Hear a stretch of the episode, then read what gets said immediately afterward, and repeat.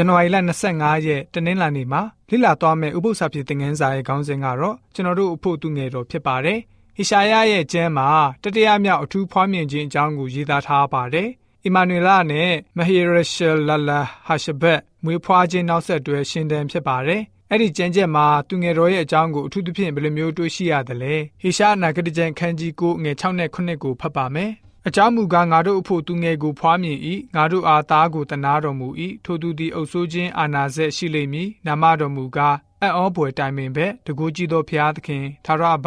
ညီသက်ချင်းအရှင်ဟုခေါ်ဝေါ်သမုတ်ခြင်းကိုခံတော်မူလိမ့်မည်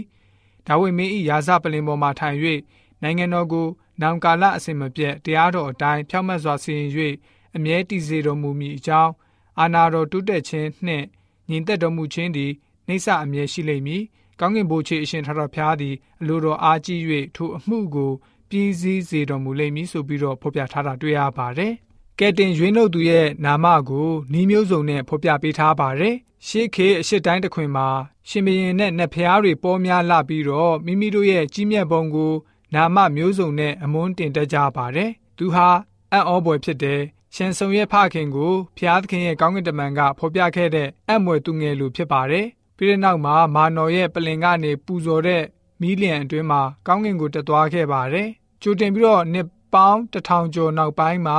မိမိကိုယ်ကိုပူဇော်တင်လူမဲ့အကြောင်းကိုဖော်ပြထားတာဖြစ်ပါတယ်။သူဟာထာဝရတကူအရှင်ဖျားနဲ့ဖန်ဆင်းရှင်ဖျားကိုယဉ်ညွန်းခြင်းခံရပါတယ်။သူဟာဒါဝိဒ်မင်းဆက်ကဖျားတစ်ပါးဖြစ်ပါတယ်။သူ့ရဲ့နိုင်ငံတော်ဟာအစဉ်ထာဝရငြိမ်းချမ်းခြင်းရှိပါလိမ့်မယ်။တချို့သောသူတွေဟာအဲ့ဒီသူကိုဟေဇကိမင်းလို့ခံမှန်းအထင်ရှိကြပါတယ်။ သို့တော်လည်းဖော်ပြပါရှိသူကတော့တာမန်လူသားမဟုတ်ပါဘူးတူးသေးတာရှိပါတယ်ယေရှုရှင်သခင်ခရစ်တော်ပဲဖြစ်ပါတယ်ဖျားသခင်ရဲ့သားတော်နဲ့ဖန်ဆင်းရှင်ပဲဖြစ်ပါတယ်ကျွန်တော်တို့ရဲ့ကက်တင်ချင်းနဲ့ညီသက်ချင်းအတွက်ဖွားမြင်လာခြင်းဖြစ်ပါတယ်သူဟာကောင်းကင်မှာရောမြေကြီးပေါ်မှာရောအာနာတကူအစိုးရတော်မူပါတယ်ကျွန်တော်တို့နဲ့အတူအစဉ်ရှိနေတော်မူသေးပါတယ်သူ့ရဲ့ဖျားဇာတိတော်ကိုလည်းထိမ့်သိမ်းခွင့်ရရှိပါတယ် သူဟာလူသားအဖြစ်နေတော်မူပြီးတော့ကျွန်တော်တို့ရဲ့ခွန်အားနည်းခြင်းအလုံးကိုတနာတော်မူပါတယ်။ငါတို့အဖို့ဖွားမြင်တော်မူသောသူငယ်တော်ဖြစ်တယ်ဆိုပြီးတော့တွေ့ရပါတယ်။ကျွန်တော်တို့နဲ့အတူထာဝရရှိတော်မူမှာဖြစ်ပါတယ်။ခရစ်တော်လောကကိုဆင်းကြွလာစဉ်အခါမှာစာတန်က